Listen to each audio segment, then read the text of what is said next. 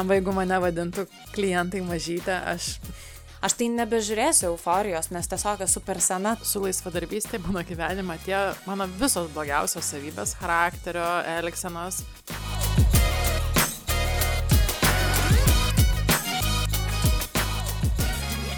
Sveiki, mėlyjeji, su jumis vėl sveikinasi Julija, sveikinasi Justė ir tinklalaidė Dreamers and Humans. Tai yra jau antrasis mūsų eksperimentinis epizodas - neformalūs pokalbiai apie komunikaciją.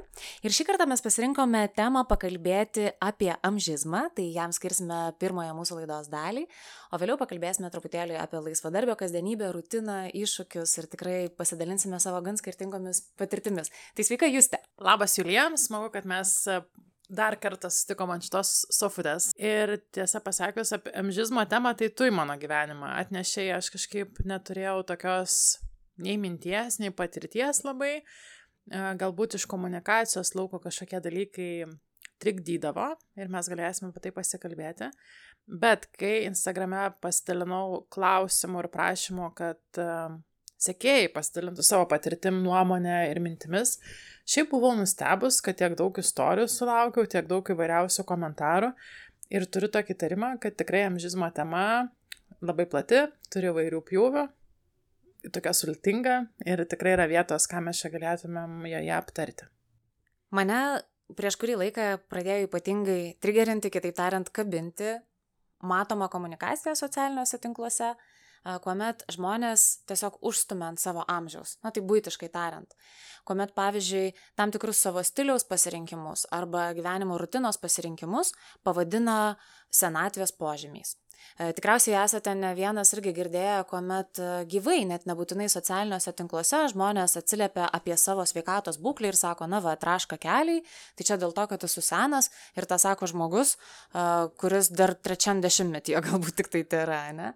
Arba galbūt yra tekę girdėti, kuomet žmonės, aišku, yra labai įpratę užstumti ir ant savo išvaizdos ir atrodo, kad net nežinia, ką tokiais atvejais daryti, ar jie tikisi iš mūsų, kad mes paneigsime ir sakysime, ne, ne, tu labai graži, ne, ne, tu labai jaunai atrodo. Žodžiu, e, iš tikrųjų, tema yra labai plati ir jinai kabina ir, ir kartais skaudina ir gyvai, ir tuo pačiu matant per ekraną, kaip kartai žmonės apie save sako.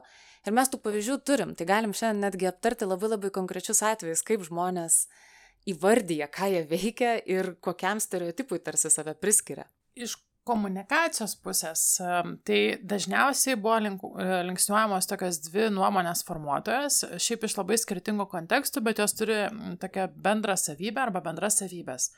Tai kad jų gyvenimo būdai yra labai tokie madingi, stilingi, um, atkartojantis galbūt skandinaviško gyvenimo būdo elementus, estetiką, e, kad jos labai tokios, e, na, viską žino, kur geriausi branšai, kur geriausi kažkokie spotai, visas naujas vietas ir taip toliau, ir tokios atmadingos, stilingos, e, gerai gyvenančios, labai tokios, nežinau, kūrybiškos ir taip toliau, ir taip toliau. Ir vat jo šitą tokį turi savęs bobutinėjimą, nežinau kaip pavadinti, ne kažkokį vat, amžizmo momentą. Ir man bežiūrint jų komunikaciją, susidarė įspūdis, e, kad tai labai sieja su mūsų pirmos laidos tema, to fake humble, arba noro atrodyti kažkokiai tai labai um, artimai auditorijai, tokiai prieinamai. Ir tada tu šauni tokį, kad, okei, okay, aš nusipirkau žiauriai stilingus ten kažkokius akinius, bet dabar jaučiuosi kaip bubutė. Arba, oi, man labai patinka lėtas gyvenimo būdas, nu, bet jau taip susiklostė, kad jeigu 10 val. užmėgi, tai esi pensininkė, žinai. Arba, o jeigu ten augini daržovės, tai jo, čia yra trend, nu, kas tam tikras irgi trendas, bet jau irgi čia tokia prie pensininkų, žinai. Tai man atrodo, tai tokia yra kompensacija, sąmoninga arba ne, kaip paversti save tokią labiau prieinamą ir artimesnę auditorijai. Ir tada šauni, vat, kažką tai apie senatvę, kai tau Tratskio net nėra, arba ten šiek tiek daugiau nei Tratskis. Mm. Ir apie amžizmą kažkaip dažniau jokauja va, tokie apie 30 metų žmonės. Aš kažkaip nesu 40 metų, girdėjęs 50 metų, um, kažkaip savęs taip vadinant, ir nesu girdėjęs 20 metų. Čia toksai, va, tų, tų tokių 30 mečio krizės kamuojamų galbūt uh, žmonių uh, elgsena. Neįvardinsim, kas yra tie nuomonės formuotojai, kurie aš taip kalba apie save, bet tikėtina, kad jūs patys esate tikrai matę tokių pavyzdžių. Ir ką šitoje vietoje norisi tarsi išlūkštenti ir dekonstruoti, kad kartais mes norime atrodyti labai cool, e, labai madingi ir tuo pačiu nebūti per daug nutolę nuo savo auditorijos. Tai tokiu būdu tarsi kuriame va tokį naratyvą apie save, kad aš esu cool, aš suprantu madas, aš moku gražiai apsirengti, turiu skonį, stilių, pinigų, bet tuo pačiu žiūrėkit, koks aš paprastas, toks pat kaip ir jūs, kur, nu, va, aš irgi savaitgalį praleidau, nebūtinai užsimdamas madingais dalykais, pavyzdžiui, banglentėm arba kažkokiam tai ypatingom veiklom, nežaidžiau padelio, bet su vyru skaitėm knygas ant pleduko. Na, tokie truputį pensininkai, bet e, gal ir jūs tokie patys žmonės kaip ir mes. Ir va šitas dalykas, na, nežinau, man atrodo, kad e, nežinau, kiek sąmoningai jis yra daromas ir kiek ne, bet iš šono atrodo gan dirbtinai ir pritemptai.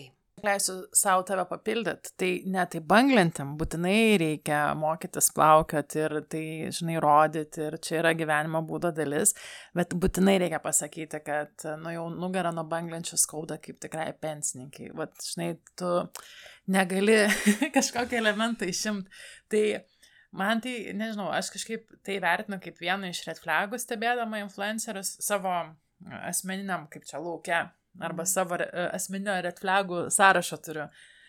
Man iš karto atrodo tai labai dirbtina, labai netikra ir tada man labai daug klausimų kyla apskritai apie gyvenimo būdą. Klausydama tavęs dar pagalvojau, e, kaip būti madingu, stilingu, e, turinčiu pinigų ir būti artimam, artimam arba artimai auditorijai. Kokie galėtų būti sveiki sprendimai, ne, ne pasitelkus va tam žizmo kažkokiu tai elementu. Kaip tu manai? Aš noriu tada iš toliau, žinai, pradėti. Na nu, gerai, o visų pirma, kodėl taip nutinka? Gali būti, kad problema yra tame, kad e, kažkoks vidinio santykio, truputėlį konfliktas yra su kažkokiu savo vidiniu santykiu. Yra galbūt iš dalies nepasitikėjimas savimi, galbūt dalinis, tik tai kažkuriais aspektais, o galbūt yra baimė nepatikti. Nes vis dėlto, kuo didesnė yra mūsų auditorija, tuo tikimybė nepatikti yra didesnė. Na, normalu, ne? Apskritai e, komunikacijoje mes visi turime susitaikyti su tuo, kad jeigu jau tu nesislepi po lapais ir apskritai esi komunikuojantis žmogus, visada bus žmonių, kuriems tu nepatinki. Čia yra neįmanoma, kad būtų kitaip. Tai dabar grįžtant prie esmės, e, reiškia, galbūt yra tas skausmas ir įsibaiminimas nepatikti žmonėm, būti atstumtam yra toks didelis, kad yra nusprendžiama, kad gerai, aš pabandysiu vis dėlto mažinti jį ir mažinti tą kiekį žmonių, kuriems galiu neįtikti ir tokiu būdu šiek tiek gal netgi pataikauti auditorijai. Tai vad daug pasiekimų, sėkmingas gyvenimas, bet tuo pačiu aš esu paprastas kaip jūs. Bet tai dabar, mm, atsakant į tavo klausimą, vis dėlto kaip to nedaryti, tai manau, kad vėlgi reikia pradėti nuo to santykio su savimi. Ir jeigu esu gerame santykėje su savimi ir priimu tai, kad ne visiems patiksiu, ne visų būsiu suprastas, galiu komunikuoti iš savo laisvės. Ir jeigu iš tikrųjų autentiškai savo viduje turiu to paprastumo, prieinamumo, mes jau minėjom tą girl next door koncepciją, ne? jeigu aš iš tikrųjų esu girl next door, tai man, man atrodo, turėtų natūraliai gautis komunikuoti šitos dalykus, be kažkokių pasiteisinimų. Aha, aš galvoju, gal tada atsiranda toks lygiavertiškumas auditorija. E, jeigu tu natūraliai turi to paprastumo, mhm. jeigu tu nesureikšmini uh, jeigu tu nesijauti aukščiau už auditoriją dėl to, kad tu galbūt labiau išmanai kažkokią stilistiką, turi galbūt desnes kažkokias finansinės galimybės ir panašiai, mm, ir esi tame pačiame lygyje, tai gal net nesiprovokuojant šito kampo auditoriją ir gal tada, ir gal tada tai yra ir apie vidinius kompleksus, aš galvoju, kad mes mhm. tokie šustri, smagus, pirmūnai, madingi norim dažnai būti dėl to, kad turim mm, kaimo mentalitetą. Kaimo tai čia mm, tiesiog naudoju kaip e, išsireiškimą, ne, nebūtinai. Žodžiu, nenoriu įžeisti kaime gyvenčių žmonių, čia nesusiję su tuo, bet kaimo tas mentalitetas, kur ką kiti pasakys, žinai, kad mm. kiti pavydės, kad kiti ten nesupras, kad tu kažkaip gal net negali puikuotis tai savo vat, kažkokiais turtais ir dalykais. Tai, mm. tai čia kažkoks turbūt gal toksai kompleksinis būtų uh, dalykas. Dabar bekalbant kažkaip prisiminiau tą istoriją, kur tu pasakai uh, iš tavo uh, patirties, mm. kur tu sutikai merginas mhm. ir turėjai tą va, tokią patirtį savęs, kaip čia, sendinimo. Mhm. Šiek tiek pasilink, nes man atrodo, jinai labai iliustratyvi ir ten irgi yra tas įdomus kampas apie kompleksus. Tai situacija buvo tokia, kad man keturias dienas teko dirbti tokioje komandoje, kurioje buvo pora nuostabiai fainų merginų, su kuriomis tikrai nuostabiai susibendravom ir užmėsgiam gražią draugystę. E, bet tai buvo visiškai nauja pažintis ir man pirmosiam dienom labai labai kliuvo tai, kad e, merginos, kurios yra jaunesnės už mane, tam tikrose situacijose vis truputėlį užstumia ant savo amžiaus. Ten truputėlį paskausta nugarą kažką sunkesnio nešant ir jau sako, nu va, senatvė, normalu. Arba negali išbūti normaliai visą dieną pamiegojusios tik tai 3 valandas per naktį ir jau sako, nu va, nebe tie laikai, nebe tas amžius. Ir dabar, kai man yra vos ne dešimčia metų daugiau negu joms, aš taip klausau, klausau ir mane taško per visus galus, nes aš nesuprantu, ką jos turi omeny. Aš esu vyresnė už jas ir nevartoju tokių frazių ir man labai labai sunku priimti, nes man atrodo, kad jos iš vis yra jaunatvės viršūnėje, pačiame tokias, tokiame savo sultingiausiame amžiuje. Negana to, aš pati save laikau jauna, tai man, man atrodė visiškai nesuvokiama. Ir kai aš kelis kartus pastebėjau, sakau, panos, jūs taip keistai apie save atsiliepėt, sakau, aš esu vyresnė už jūs, sakau, net nežinau, kaip turėčiau jaustis, bet jaučiuosi tiesiog šiek tiek suglumusi. Ir vėliau e, jos kažkaip atlėpė, sako, geras toks jausmas, kad e, tau labai jautri šita tema, Ir aš supratau, kad jinai man yra jautri ne dėl to, kiek man pačiai yra metų ir kad man yra sunku dėl mano amžiaus. Aš supratau, pat per pokalbius, per refleksijas išsigryninusi, kad jinai yra jautri, nes yra kažkaip empatiškai skaudu ir nepatogu, kai kitas žmogus ant savęs stumia. Kai kitas žmogus nepriima savęs. Ir tai yra toks truputėlį gal netgi toksiškas elgesys savęs atžvilgiu kaž, kažkokios tokios užuominos. Jos atrodo tokios smulkmenos, bet um, kliūna. Dabar mastau, kad tai ir, irgi labai yra susiję su tam tikrų įvaizdžių, vad koks turi būti 30 metų, čia kaip atskaitos taškai imkim, žmogus, 30 metų moteris, žinai. Atrodo, kad, nu tikrai, tau nieko negali skaudėti, tu negali pavarkti, tu turi būtinai dar gebėti ten iki bent trijų ryto liebauti bare, nes kitaip tu jau pensininkė ir nebe, nebe tie laikai jau, ne, kai 20, met, 20 metę būdant galėjai tai daryti, o dabar jau kažkaip nebelabai. Man atrodo, kad visokie tokie elementai, tai rodo pirmą kažkokią baimę pereiti iš, vienos, iš vieno gyvenimo etapo į kitą gyvenimo etapą, kad tu vis laik turi varyti kaip 20 metę tu ir jeigu yra kažkoks pokytis, kad nebenori, nebegali, kažkokie atsiranda papildomi dalykai, tai iškart suponuoja kažkokią tai senatvės požymį, ne? net ne brandos požymį, o senatvės požymį. Tai man tas labai kažkoks neskanus yra momentas ir dėl to labai, nu, nemalonu ir taip norisi šiek tiek papurtyti. E, ypatingai kas liečia hobius. Vat, ir e, sėkėjai dalinosi, kad, nu, vat, jeigu mėgsti auginti daržovės, tai jau irgi tokia, nu, senutė, žinai. Bet jeigu mėgsti ir su skeitu varinėti, nu, tai jau irgi pagal amžių tai nelabai tau tai turėtų būti, kaip čia, pritinkantis dalykas. Tai man atrodo, kad yra kažkoks labai labai stiprus stereotipas, ne tik, kad ten turi iki 30 metų padaryti karjerą, pastatyti namą, ten susilaukti vaikų, ištekėti ir, nežinau, ten pasiekti praktiškai visą gyvenimo pasiekimus, tai iki 30 metų, nes vėliau tai nežinau, kas tau, tik nuokalne. Jau nieko nebegali daryti. Ir kartu tas gal prieimimas sunkus e, savęs, nu, kad tikrai kažkokie dalykai tampa nebeaktualūs, arba kaip tik labai aktualūs, arba kažko gal nepadarai, kai tau buvo 20 ir dabar nori padaryti, ir nu, tai yra labai geras dalykas. Įsivaizduokiam, ta prasme, pavyzdžiui, žmogus šeštadienio vakarą, ar nesvarbu kurią dieną, reiškia, nusprendžia, kad 9 val. vakaro jis yra pavargęs. Ir jis eina miegoti. Kitaip tariant, jisai realiai atliepia savo kūno poreikį ir kitą dieną dalinasi su savo auditorija, kad jaučiuosi, nu, vad blogai dėl to. Iš serijos nepateisindamas kažkokio tai savo amžiaus susikurtos klišės, kaip turėčiau elgtis arba ką turėčiau daryti. Arba jo, jeigu nedariau kažko tai tokio ryškaus, e, nešokau su parašiutu, e, neišvykau į kažkokį dviejų naktų savaitgalio getaway į kažkokią labai egzotinę vietą, nu tai jau supranti, aš toks prastas.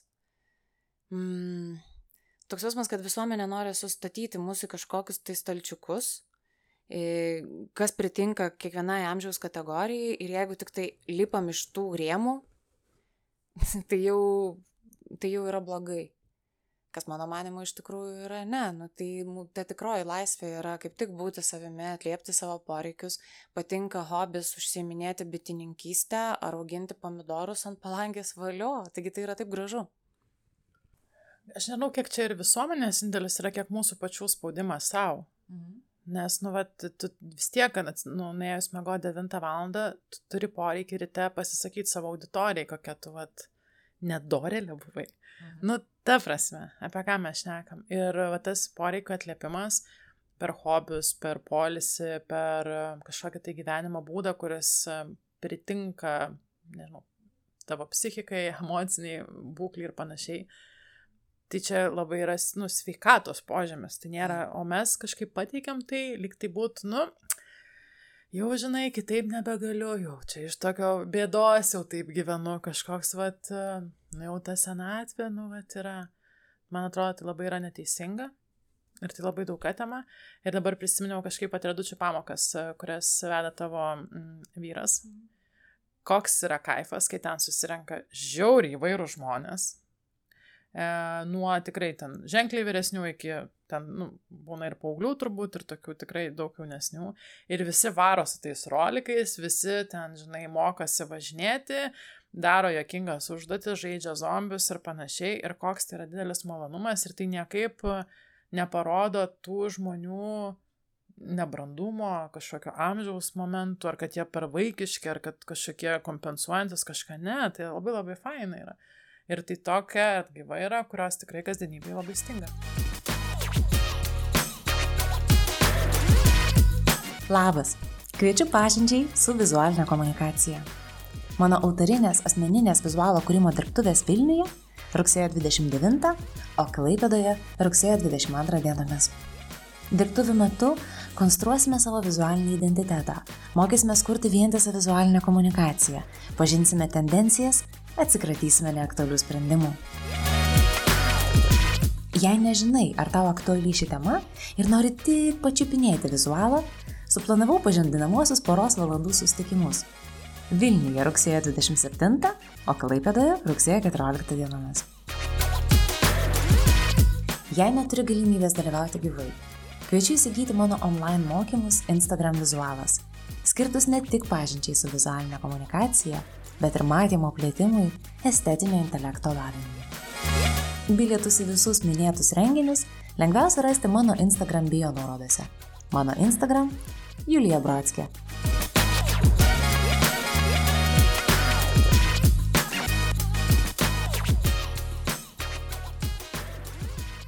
Gerai, tik keletas sėkėjų minčių.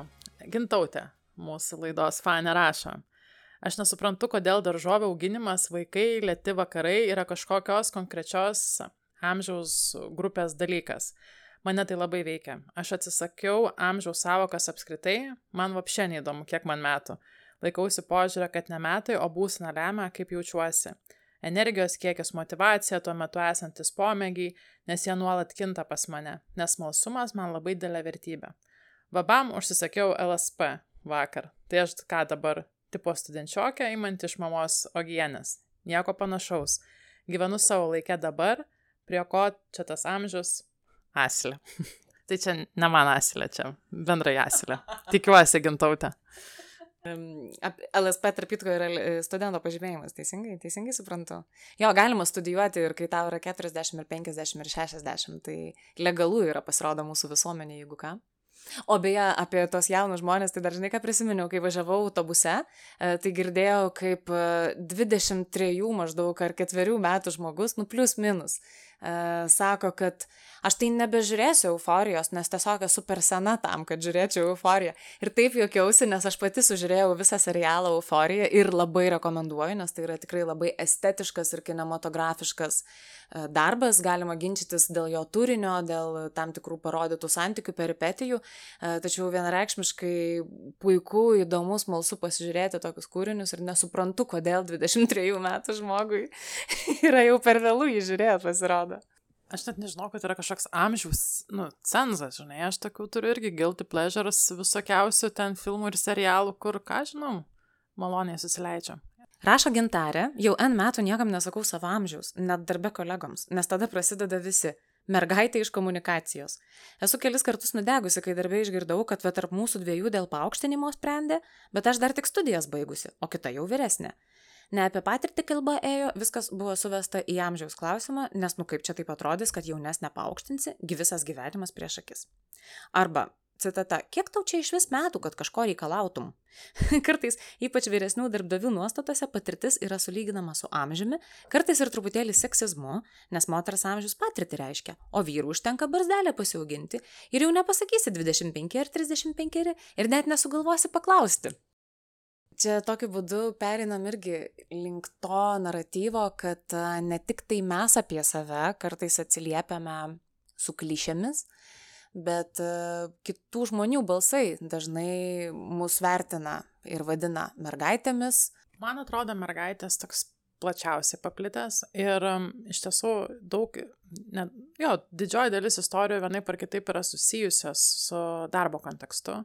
Tiesa, man neparašė ne vienas džentelmenas su savo patirtimi, kad jį kažkas berniuku vadintų ar panašiai. Čia gali būti ir kad auditorija pati moteriška, bet ir, man atrodo, gal rečiau sutinkamas yra dalykas, nes ta barzda nu, tikrai labai sumaišo kortas. E, šiaip buvo labai įdomu, kad tikrai ne vienas žmogus dalinosi, kad pats apie save, vad sako, net nepajausdamas, kad jeigu mėgsta panoramą vakarė žiūrėti, tai sako, nu čia mes kaip pensininkai. Ir buvo labai faina, viena moteris pasidalino, kuri dirba, kaip suprantu, galbūt su jaunesniais žmonėmis, kurie yra jos vaiko metų. Ir sako, aš nejaučia, sakau, mergaitės berniukai. Ir suprantu, kad tai nu, nėra gerai, bet labai labai sunku perlipti per save, nes jei asocijuojas tai tiesiog su jos vaikais. Tai galim gal duoti kokį patarimą, kaip galima būtų vadinti mergaitės ir berniukus. Aš tai žinai, kokį žodį labai mėgstu. Ir irgi gal šiek tiek stereotipinis žodis, aš jį esu pasiemus, man atrodo, iš vyresnių žmonių, kurie dar yra dirbę um, sovietiniais laikais, jie labai mėgsta žodį, kuris man truputėlį tokiu naftalinu dvelkia - kolektyvas. Ir man žinai, tas kolektyvinės stovyklos, kažkokie tai kooperatyvai ir taip toliau, e, tai man visai kartais smagu taip truputėlį saviironiškai sakyti, nu kolektyvas, važiuojam dabar, lipam į autobusiuką ir važiuojam, žinai. Aš žodį kolektyvas labai mėgstu, man jis toksai skanus ir tekstuose kažkaip neformaliai gerai susiskaito. Mm, dažniausiai tas berniukus mergaitės įsprendžia tiesiog vardai. Taip. Mes kažkaip galim žmonės tiesiog vardais vadinti. Aš retai irgi taip per retai darau. Nes daug lengviau yra uh, taip vimtel tai mergaitė berniukas iš komunikacijos, negu ten dar atsimint vardą, tą vardą pasakyti ir taip toliau. Tai čia tokios vidinės galbūt irgi kultūros yra momentas, tai taikau ir savo. Dar turim tokių visokių smūginių uh, pastebėjimų, kad Edita sako, aš save sendinu, kai pradeda ką nors skaudėti. Uh, tada Margarita dalinas, nu, apie stilių, kad po 40 metų jau ne visi rūbai tinka. Dominikas e, apie darbo pokalbį, kad, va, sako, ką tik per darbo pokalbį pasakė, aš esu tuo kompu kaip močiutė ilgiuosi. Kad Ilona sako, kad esu per sena tik to, kad trendams ir čia GPT. Tada Lina labai šiaip įdomu atveju parašė, kad palangoje kablį buvo ir jai su vyru yra po 34-5 metus Ir e, kaip padavėjas paklausė, kas čia vyks per renginys, stand-upas, padavėja atsakė, ai čia jaunimui skirta. O šakės, net nežinau kaip jaustis, aš labai mėgstu palangos kablį ir tikrai dažnai ten einu. E, o tai kas buvo per renginys, aš noriu žinoti. Jaučiu free finger koncertas koks nors, ne? E, žinot, suprantu, kad buvo stand-upas kažkoks, žinok. Tiesiog stand-upas. Dar viena moteris, Karolina, rašo 35 metų, kad ją vadovę vadina mažytė. Ir kitus žmonės vadina mažybiniais vardais kaip vaikus. Mm. Ir Plemba, jeigu mane vadintų klientai mažytė, aš niekaip neprokur, bet jeigu vadintų Justelė, tai praleisčiau šitą dalyką, nesakysiu, kad labai blogai. Žinai, faina yra tas dalykas, kad mes tiesą sakant visur visada turime teisę brėžti ribas. Man kartais žmogus sako, žinai ką, nevadink manęs gintarė, vadink mane gintarė. Ir tai yra jo teisė. Same here, ta prasme, nepatinka, kaip mus vadina, edukuokime visuomenę ir paaiškinkime jai, kad nu, norime vis dėlto moderniai gyventi ir išlipti iš kažkokių stereotipų ir rėmų, kaip kas vadina ir iš ko mes sprendžiam apie tai, kas, kas yra kas, žinai. Laura dalina, dalinasi, kad pasijūtė vienu metu labai sena, kai kolega paklausė, ar ji yra buvusi Nirvanos koncerte, tuo tarpu man buvo trys metai, kai mirė Kobainas. E, tai dirbti su 20 something merginomis yra sendinanti patirtis, patirtis nuo iki. Kažkaip nesigauna auninti tų 30, kai visi už tave 5-7 metais jaunesni yra. Yra įdomus, tas žinai, man atrodo, jaunam kolektyvė dirbti kartais, aš iš savęs jaučiu, čia toks, nėra mano gera savybė, bet jeigu aš dirbu su jaunesniais kolegom, ženkliai jaunesniais, tai aš kažkaip nejaučia irgi pereinu tą, kad nu čia ta mer mergaitė irgi ten kažką darys, arba čia ta jauna specialistė, kažkaip vis tiek reikia pabrėžti amžių ir kartais tai būna tikrai iš tokios inercijos, kartais norisi, man atrodo, kompensuoti savo šiek tiek statuso tokį trūkumą ir, ir nu, tokiu žalingu, žinai, būdu, greitu kompensuoti gal kartais ir pasitikėjimo ar ten autoriteto kažkokį tai stygių. Tai man atrodo toksai geras labai šortkatas. Nu, geras tai saliginai geras, bet kad labai tai intuityvu mum yra. Mes pradėjom nuo to, kad um, kalbėjom, jog žmonės dažnai savo auditorijai tarsi teisinasi dėl savo pasirinkimų. Ir um, aš galvoju, reikia gal paieškoti fainų pavyzdžių. O kas, pavyzdžiui, kam, pavyzdžiui, pavyksta ir išlaikyti savo autoritetą ir atrodyti patikimam žmogui, išmanančiam savo sritį ir tuo pačiu tokiu, su kuriuo galima rezonuoti tapatintis ir kuris neturi to fake humble. Man ateina į galvą Beta Nicholson. Gal dar kokių pavyzdžių turim, aš galvoju dabar. Aš galvoju apie Tomą Ramanauską, žinai. Jis gal ne, netitinka to labai tokio jaukaus, kur, su kuriuo labai norėtum ten šnekučiuoti žmogaus įvaizdžio. Nu, ta prasme. Na, toks yra kažkoks atstumas, bet man atrodo, tai yra geras pavyzdys, e, kaip turint atstumą netrodyt atstumenčiai kažkaip. Ir kaip pat išbalansuoti, jeigu tu nesi, pavyzdžiui, vat, kaip mes kalbėjome, tą jogos mokytą, kuri nėra ten įsišiepus su koduku. Mhm. Tai mat, man atrodo, Tomo Romanovsko komunikacija turi šitą, kur jis labai daug duoda pridėtinės vertės, tikrai labai įdomių įžvalgų, mhm. e, turi savo stilių, nėra perdėtai draugiškas, bet ir nėra atstumantis. Ja. Mhm. Ir toks uh, kitoks negu beta. Tai labai labai fainai, kad jį prisimeni Manau, kad visi kiti tokie pavyzdžiai greičiausiai bus jau e, žmonių, kurie nėra nuomonės formuotojai. Aš tokių, tarkim, e, turiu, kuriuos seku ir kiekvieną dieną pasižiūriu, ką jie veikia, bet e, dažnai tai yra žmonės, kuriems socialinis tinklas yra tiesiog jų dienoraštis, kažkoks santykio palaikymas, bet jie nei mikroinfluenceriai, nei, nei kažką. Ir manau, kad jo, vis dėlto didžiausia problema tai ateina būtent iš žmonių, kurie uždirba iš soc tinklų, kurie žino, kad taip, kaip jie komunikuos, finale atsilieps užsakymams ir klientų kreipimamsims į juos. E, todėl atsiranda to tokio ir atsargumo auditorijos atžvilgių, ir bijojimo sunervinti auditoriją. Nes tikrai, nu, ne visi yra mm, drąsūs ir, ir, ir super laisvi e, kalbėti, ką nori, daryti, ką nori ir nebijoti sutrigerinti kažko tai savo sekėjų tarpe. Dar pagalvojau, žinai, čia man atrodo, vat, kai visi tokie labai tokie arti auditorijos, vat nori būti mergina šalia durų ir panašiai. Mhm. Um, šiaip yra daugiau būdų, kaip būti įdomiam auditorijai ir nesivadovauti šituo patarimu, nes čia yra vienas iš marketinginių patarimų, kad tu turi būti kuo arčiau auditorijos, kuo nelabiau su tim gali sustapatinti, tuo geriau. Bet yra ir kitų variantų tu gali būti blemba, svajonė, kurios norės tam auditorija, žinai, kurią nori, pavyzdžiui, auditorija pasiekti. Tu gali įkvėpėjų būti auditorijos, tu gali tikrai būti labai tokiu chirurgiškai šaltu ir tame kažkokia auditorija atras um, įdomumą, kažkokią tai intrigą, tu gali būti labai tiesiog daug geros duoti informacijos ir įžvalgų e, auditorijai ir dėl to tave mylės ir mėgs. Tu gali galbūt tikrai rodyti labai kažkokį tai keistą gyvenimo būdą, e, kuris irgi prikaustys dėmesį. Man labai patinka tie visi žmonės, kurie dalinasi Instagrame, kaip ten kokį nors nusiperka tvartą ir padaro iš jo namą. Nu, nežinau, man mm. labai fainas tas yra momentas, nors aš net turbūt nenorėčiau taip ir negalėčiau taip, bet tai vis tiek užkabina. Tai man atrodo, kad parke pagrindinė yra tame, kad e, yra kažkoks vat, vienas gerai einantis marketinginis triukas, nu ir davai visi iš inercijos, žinai, daryti ir net nepasivargina paieškoti kažkokių kitų strategijų. Tiesiog, kurios gal labiau tiktų, nuimtų tą spaudimą, kad turi tokia būti vat, visa šaunalytė, faina su nežinau, ten skandi kažkokiais rubeliais apsidėjus ir tiesiog galėtum gyventi savo gyvenimą, nereikėtų vobulytės manevrų naudoti. Dabar paminėjai tos keistus pavyzdžius tokius ir galvoju, ar turim kažką iš nuomonės formuotojų, va tokių pavyzdžių, kurie būtų pakankamai autentiški ir tuo pačiu mėgstami. Žinai, kas man visai šitą kategoriją pritinka, mes prieš laidą kalbėjom apie Gabrielę Ramybę kuri mm. dainininkė. Vilkitskytė. Taip. Ir vat man atrodo, jinai visai tinka šitai kategorijai, nes jos ir mhm. stilius yra labai originalus ir įdomus, jos kūryba yra kitokia, e, jos pačios istorija yra labai įdomi.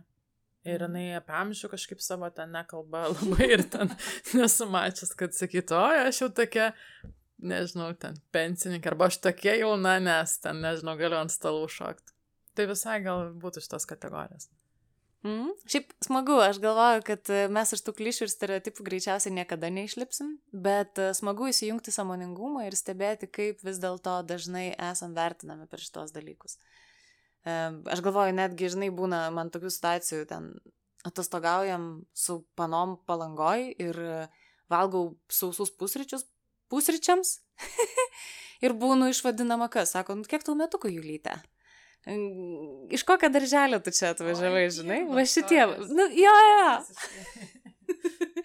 Bet, suprantate, nepaisant to, kad visi suprantam, kad čia yra sarkazmas, nepaisant to, kad visi suprantam, kad um, esu priimta tokio, kokia esu ir visa kita, bet tų stereotipų yra iš tikrųjų pilna.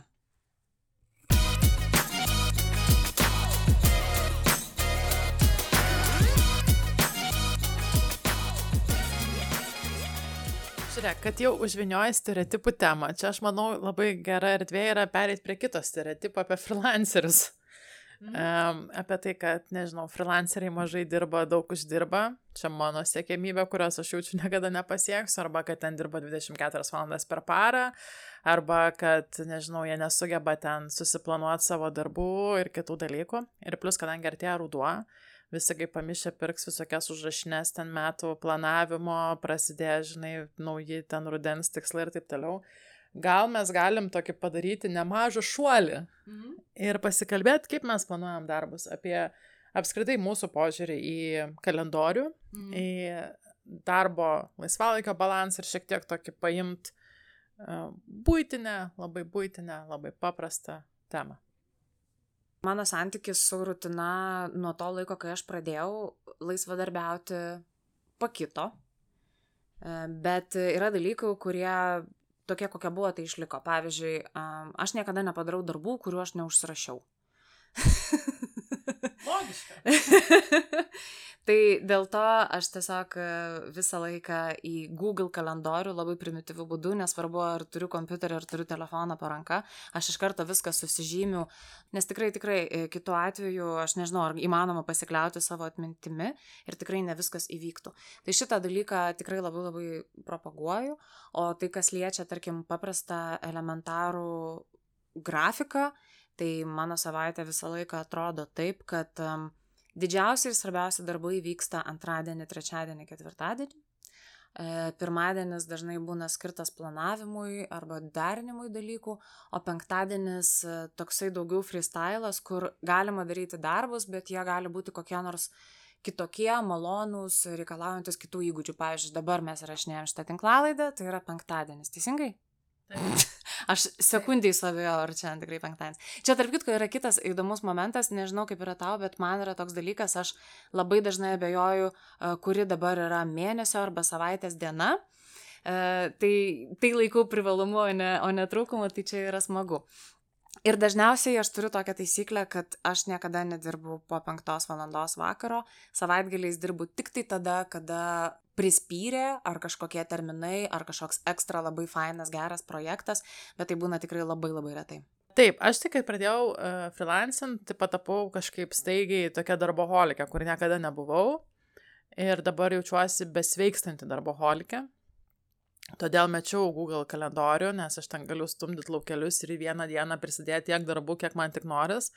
Aš grįžau prie oldschoolinio dalyko, tai viską raš, rašau į užrašinę ir tada aš turiu ribotą erdvę net ir braukyti, kiek galiu. Ir man labai tai pasiteisino, e, kol kas aš labai dėl to džiaugiuosi. Kalbant apie pačią rutiną, aš anksčiau dirbdavau visada, dirbdavau darbo dienom, dirbdavau savaitgaliais, man tai atneždavo kažkokią ramybę ir man atrodo, kad tai yra freelancerių parkė tokia, kad e, atrodo, jeigu nedirbi, nu, tai ten neuždirbi pinigų, tada kažkokios kontrolės stinga ir tai yra irgi būdas turbūt su to nebebrieštumu tvarkytis. Tai aišku, manęs netvedė į labai gerą emociškai vietą dėl to, kad um, polisio reikia. Tai uh, pastaruosius pusę metų aš nedirbu penktadieniais arba darau tokius visiškai užklasinius e, kažkokius darbus. Ir pirmadieniais aš niekada neturiu susitikimų. Taip. Čia yra tokie, vat, gal du pagrindiniai dalykai. Su darbo valandom varijuoja, e, šiaip stengiuosi nedirbti po šeštos valandos. Ir man, gal kad aš vis tiek vis dar didžiąją gyvenimo dalį esu pradirbus samdomam darbę, tai man tas nuo 9 iki 5 ar nuo 9 iki 6 yra labai priimtinas dalykas, aš taip esu išsitreniravus mhm.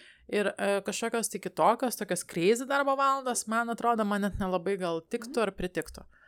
Mm, tai va, ir jo viską reikia planuoti. Kažkaip supratau, kad ir laisvalaikį turi planuoti, ir atostogas turi planuoti, ir, ir labai daug yra erdvės to nedaryti, kai esi freelanceris, nes niekas nekvepuoja už nugaros ir niekas tavęs neišspirstant tų dviejų savaičių atostogom, mm. niekas nepasakys, kad tu dirbi per daug ir uh, kartais sakauju, kad e, blogiausia vadovė, kokią esu turėjęs gyvenime, tai esu aš pati savo. Ta prasme, mano net toksiškiausi vadovai nebuvo tokie, kokie aš kartais su savim būnu. Atliepsiu tą momentą e, darbo nuo 9 iki 5. Šiaip iš tikrųjų čia yra ir labai praktiškas pasirinkimas, Todėl, kad tokiu būdu tu dirbi tada, kada dirba tavo klientai ir jūs galite patogiai nu, bendrauti. Nes, pavyzdžiui, būna man tokių atvejų, kur sugalvoju aš penktadienį važiuoti Nidą visai dienai ir ten važiuoju tais gražiais Nidos takeliais ir skambina klientai susitarti dėl kažkokių sustikimų ir atrodo toks nei penki, nei dešimt. Nu, vis tiek tu tą ragelį keli ir supranti, kad, nu, tai koks čia dėjofas. Jis toks, nu, pusiau, pusiau dėjofas, ne gaunasi. Tai visai vis dėlto dėl to manau, kad patogu ir faina rinktis nedirbti savaitgaliais, švenčių dienomis. O jeigu jau atostogaujam, tikrai tai įspėti apie tai klientus. Tada visiems iš tikrųjų smagiau, nes niekas neturi nereikalingų lūkesčių vieni į kitus ir mes geriau galim pailsėti. Apskritai poilsis taigi yra Jeigu yra žmonių, kurie graužiasi, kai jie ilsisi ir galvoja, kad oi, aš čia nieko nedarau, kai ilsiuosi ir galėčiau dabar šiuo metu dirbti, tai kažkaip norėtųsi priminti tokią tiesą, kad kai mes ilsimės, tai mes iš tikrųjų atstatome savo jėgas ir resursus tam, kad mes rytoj arba poryt galėtumėm geriau ir efektyviau padirbėti. Tai tikriausiai reikia išmesti iš savo įsitikinimų skilties tokį dalyką, kad na, poilsis tai yra viltedžiavimas. Nu, jokiais būdais. Ir čia labai puikia vieta pareklamuoti, kad psichoterapija yra puikus dalykas gyvenime ir mhm. jeigu kyla tokie vat, sunkumai su polisiu, tai vienas iš indikatorių gali būti, kad gal visai verta uh, paieškoti psichoterapeuto ir, ir praspręsti šitą klausimą ir turbūt kitus klausimus. Nes man atrodo, kad su laisvadarbystė mano gyvenime tie mano visos blogiausios savybės, charakterio, elgsenos, E, kurios anksčiau dar būdavo tokios nelabai pasireiškusios, tai visos subujojo. Tas toks ir poreikis kontroliai, va, perdėtas kažkoks ten darboholizmas, negalėjimas ten ilsėtis, kažkokia savigriauža, tokie dalykai. Nu, laisvadarbystė yra labai gera terpė, nes ir mobilizuojas turbūt kažkokios tai baimės, žinai, ir tikrai reikia daugiau energijos galbūt padaryti dalykus, susiorganizuoti dalykus, labiau tokio dėmesio pasirūpinti savim. Uh, Tai jo, laisvadarbystė yra labai puikus toks atspindys pa- pačios asmenybės ir aš nesu turbūt jokio kito darbo dirbus ar kažkokia kita darbo forma, kurioje vat jaučiau, kad taip puikiai parodo visokius aštriausius kampus mano ir charakterio, ir asmenybės, ir elgsenos. Aš tai turiu tokį iššūkį susijusiu su laisvadarbystė ir galvoju, gal tu turi, pavyzdžiui, patarimą kokį nors. Žinai, kaip vad būna žmon, žmonėms, kurie turi tą savo verslą. Ir jie dažnai sako, kad, nu, viskas, aš tiesiog dirbu 24 valandas per parą, netgi tada, kada aš nedirbu, todėl kad aš tiesiog nuolat atrodo, kad fone turiu tokį einantį informacinį srautą arba idėjinį srautą, Ir kad ir kur bebūčiau, vis galvoju, o, o kaip aš galėčiau tai pritaikyti? Kažkur keliauji, matai kažkokias spalvas, kavinių iškabas, arba kaip žmonės padarė meniu, arba kaip žmonės e, nusprendė iškomunikuoti tam tikrus momentus, netgi tada, kada pasyviai kažką tai vartoji, turinį, filmus, meną. Man, pavyzdžiui, nuolat yra tas įjungtas fone mygtukas, a, o kaip aš čia galėčiau padaryti? Mangi reikia parduoti. Bet, pavyzdžiui, šiuo metu, ne, aš aktyviai pardavinėju savo gyvus renginius ir kol jie neįvyko ir kol jie neprasidavė pilnai, man toks jausmas, kad aš tiesiog tam tikrą prasme, kokį 10 procentų manęs visą laiką dirba. Ir aš pastebėjau, kad tai mane labai vargina. Ir nepaisant to, kad um, mes mokomės išjungti tą savo darbinį maudą, ne? mes pavyzdžiui išeinam iš savo darbo vietų, jeigu net jeigu dirbame mes namie, tai tada keičiame kambarį, Bet va šito išjungti man asmeniškai yra labai didelis iššūkis. Aš neturiu to patarimo. Na širdžiai. Man atrodo, čia taip yra, kai tavo profesija yra, nu, ir tavo gyvenimo būdas. Mm. Ir aš net nežinau, kaip čia padaryti, kad taip neveiktų. Mhm. Gal tiesiog susitaikyt. Nežinau, nu, neturiu, nes aš irgi kažkaip, man atrodo, kaip, reži, kaip režisieriai ar ten dirbantis e, kino industrijai, nu, gerai, jie ten eina į kino teatrą žiūrėti filmus, bet vis tiek kažkokia dalis jų stebi, kaip ten kas padaryta, kaip užfilmuota, koks ten siužetas, koks ten dar kažkoks momentas. Tai čia tiesiog tokia truputėlį kaip lyga yra, kur, nu, kur, nu, nepasveiksi, žinai. Ta irgi turiu Mhm. momentą kažkokiuose tai kampuose, kažko, ypatingai jeigu yra tokia vat, problema, ar ten kažkokio ieškau sprendimo, ar ten strategiją darau, vat, kliento komunikaciją ir tada pradedu matyti to segmento įvairius dalykus, ten vis, viskas jau man ten labai rūpi ir taip toliau ir taip toliau. Bet tai buvo visada. Mhm. Tai taip nė, nėra buvę, gal kad kai vat, agentūrai dirbdavo kūrybininkė, mums laiką sakydavo, kad visos tavo patirtis finale atsidurs reklamose. Taip. Ir tai būdavo tiesa, visi ten Mm. sutikti žmonės, kažkokie baireliai, e, kažkokios net ir tos pačios nelaimingos meilės ir konfliktai, viskas nusėsdavo vienai par kitaip kampanijose, kažkokie vis tiek būdavo postumis ir kuras tam. Mhm. Tai žinai, jeigu gali panaudot, gal į pliusą, gal čia toks įprasminimo tiesiog klausimas.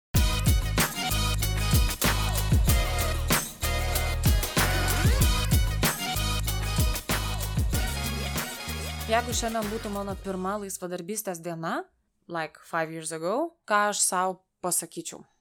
Varyčiau švest, šiaip jau, o ne būčiau ten tokia užsispasmavus, kad dabar viskas jau be penkių minučių benamėsiu, nes toks buvo išgyvenimo kažkoks instinktas labai stipriai suveikęs.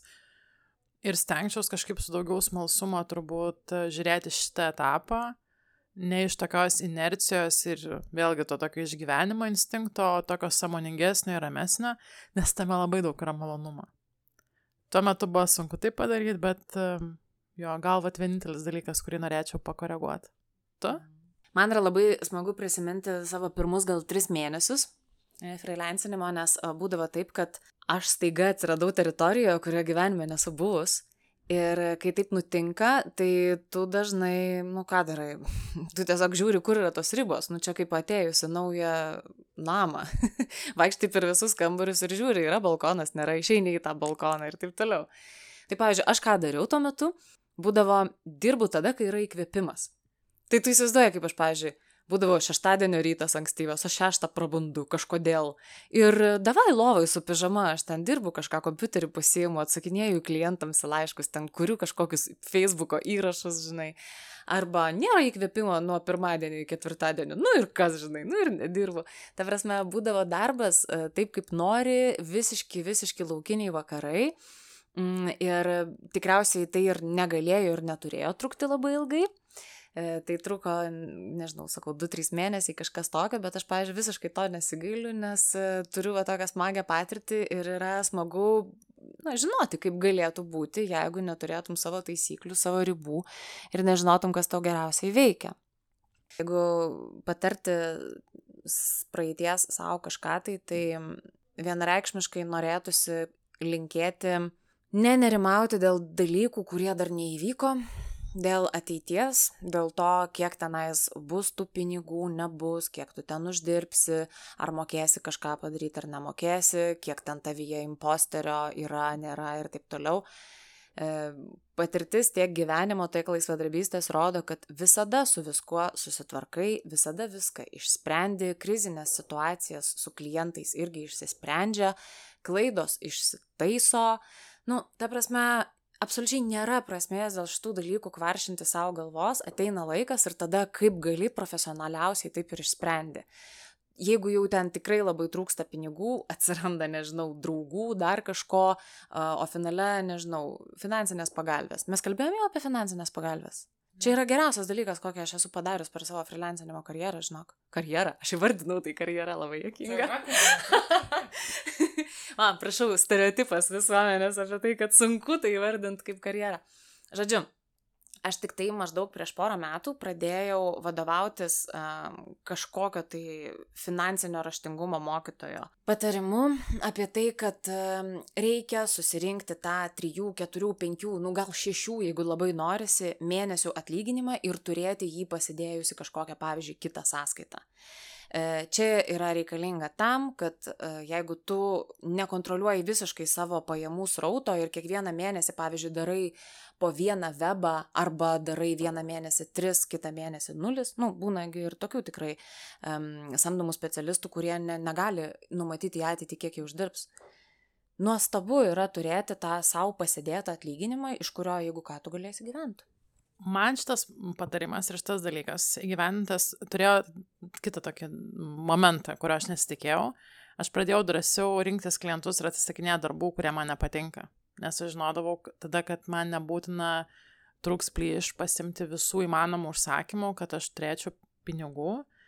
Ir e, tas vidinis toksai žinojimas ir laisvė labai sustiprina stuburą e, ir pradeda, padeda treniruotis tą rinkimas, nes ne, ne tik mūsų klientai renkasi, bet ir mes klientus. Tai labai sunku padaryti, kai tau šikna dega ir sąskaitėlės beldžiasi duris, mhm. E, bet kai tu žinai, kad tu turi pakankamą kiekį pinigų ekstra atveju, jeigu ten, nežinau, kažkas ne, ne, neįvyks arba įvyks kažkaip ne taip, kaip tu planavai. E, ir jo, tai atneša labai daug komforto. Man neteko kompensuoti savo pasirinkimų finansinę pagalbą. Va čia yra labai geras momentas, kad nebuvo taip, kad aš atsisakydavau vat, klientų dėl to, kad man nepatinka ir, ai, nu, bet čia vat, susidengsiu iš pagalbės pinigų. Ne, tai atidavo kažkokie kiti klientai, kažką vis tiek sugalvodavau, kažkaip būdavo. Tai man atrodo, čia visiškai yra psichologinis momentas, kuris tikrai labai suteikia drąsos. Tai. Ne tik va tokių, kaip, ne tik techninę funkciją turi. Tai labai cool. Mm, ir galvoju, dar klausimą tavęs kažkaip, kad reikia savo duoti kreditų, žinai, avansu. Ir kai pradedi freelancing, atrodo, kad tikrai, va, ten to nesugebėsi, to nesugebėsi. Bet tas pasitikėjimas savim avansu, kad ir gal truputėlį pritamtas tam pradžioje būna, bet jis, nu, labai svarbus yra. Nes tikrai, ten 9 dalyk, procentai dalykų yra išsprendžiami, sutvarkomi, vis tiek kažką sugalvosi, nu, žinai, be problemų. Ar norėtumėm dar truputėlį aptarti temą Red Flag Clients? Gal pasiliekam kitam kartui?